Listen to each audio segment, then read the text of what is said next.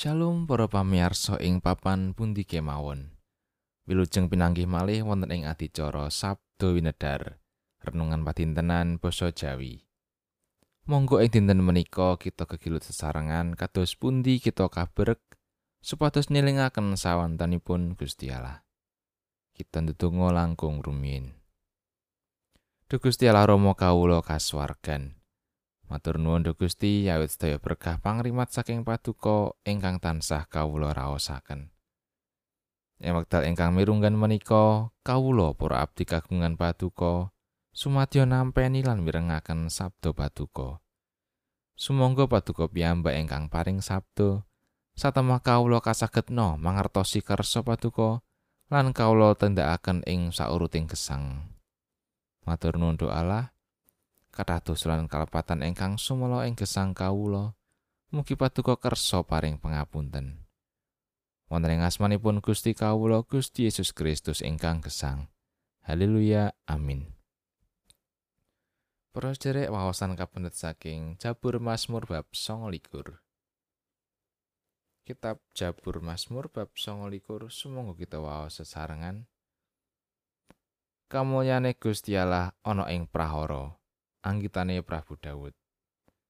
He para kang manggon ing swarga, pratelakno menawa Sang Yewah, ya mung Sang Yewah iku kang kagungan kamulyan lan kakiyatan. Sang Yewah kasaosana kaluhuraning asmane. Padha sujuta marang Sang Yewah kanthi renengga ing kasucen. Swantene Sang Yewah ana ing sadhuwuring banyu. Gusti Allah kang mulya gumludhuk Sang Yewah ing sadhuwuring banyu gedhe. Swantene Sang Yewah kebak kekuatan. Swantene Sang Yewah kebak kamulyan. Swantene Sang Yewah nugelake wit eres. Malah wit eres ing Libanon padha dirubuhake dening Sang Yewah. Panjenengane andadosake gunung Libanon mlumpat-mlumpat kaya pedhet lan gunung Sirion kaya pedheting banteng. Swantane Sang Yewah nyemburake geni mulat-mulat.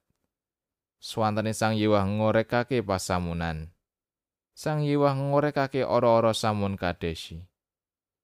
Swantane Sang Yewah njelari menjangan meteng padha manak.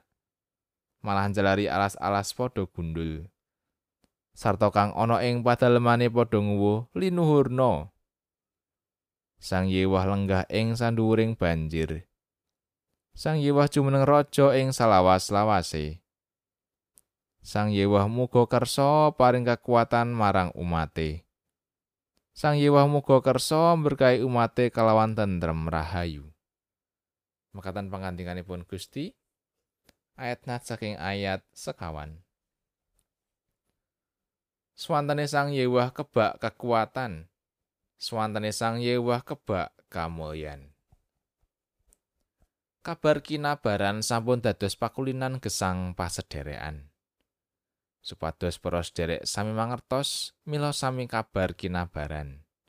Sae nalika ngraosaken kabingan, gadah hajat, malah ngantos wonten sripah lan sanesipun kita sami kabar kinabaran. Ibo to wigatosipun kita sami kabar kinabaran, sami andum pawarto lan nilingaken tuwin migatosaken pawarto wau. Lelampanipun Samuel narik kawigatosan kita. Nalika semanten Samuel tasih anem. Nedeng nyantrik dateng Imam Eli. Gandeng tasih sinau, nalika wonten timbalanipun Gusti, Samuel, Samuel. Piyambakipun dereng dong yen swanten mau saking Gusti Allah. Ngantos rambah kaping 3 nembe dipun tedahaken dening Eli. Supados nilingaken lan migatosaken swanten wau Jelarenlah menika swantanipun Allah ingkang badhe paring pangandika.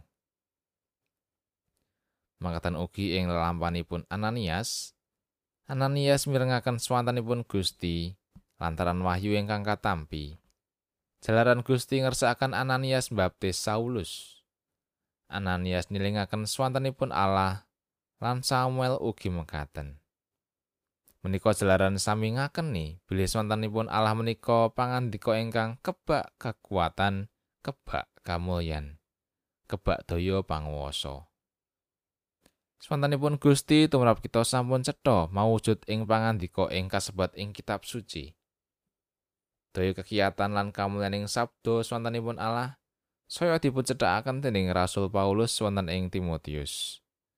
Saking tulisan kang kawangsetake dening Gusti Allah iku pancen migunani kanggo memulang, kanggo melehake, kanggo mbangun wewatekan, tuwin kanggo gula wentah ing sajroning kayekten. Pramila sumangga sampun ngantos nglirwakaken swantenipun Allah, inggih sabdanipun Allah. Menika dayani kita. Amin.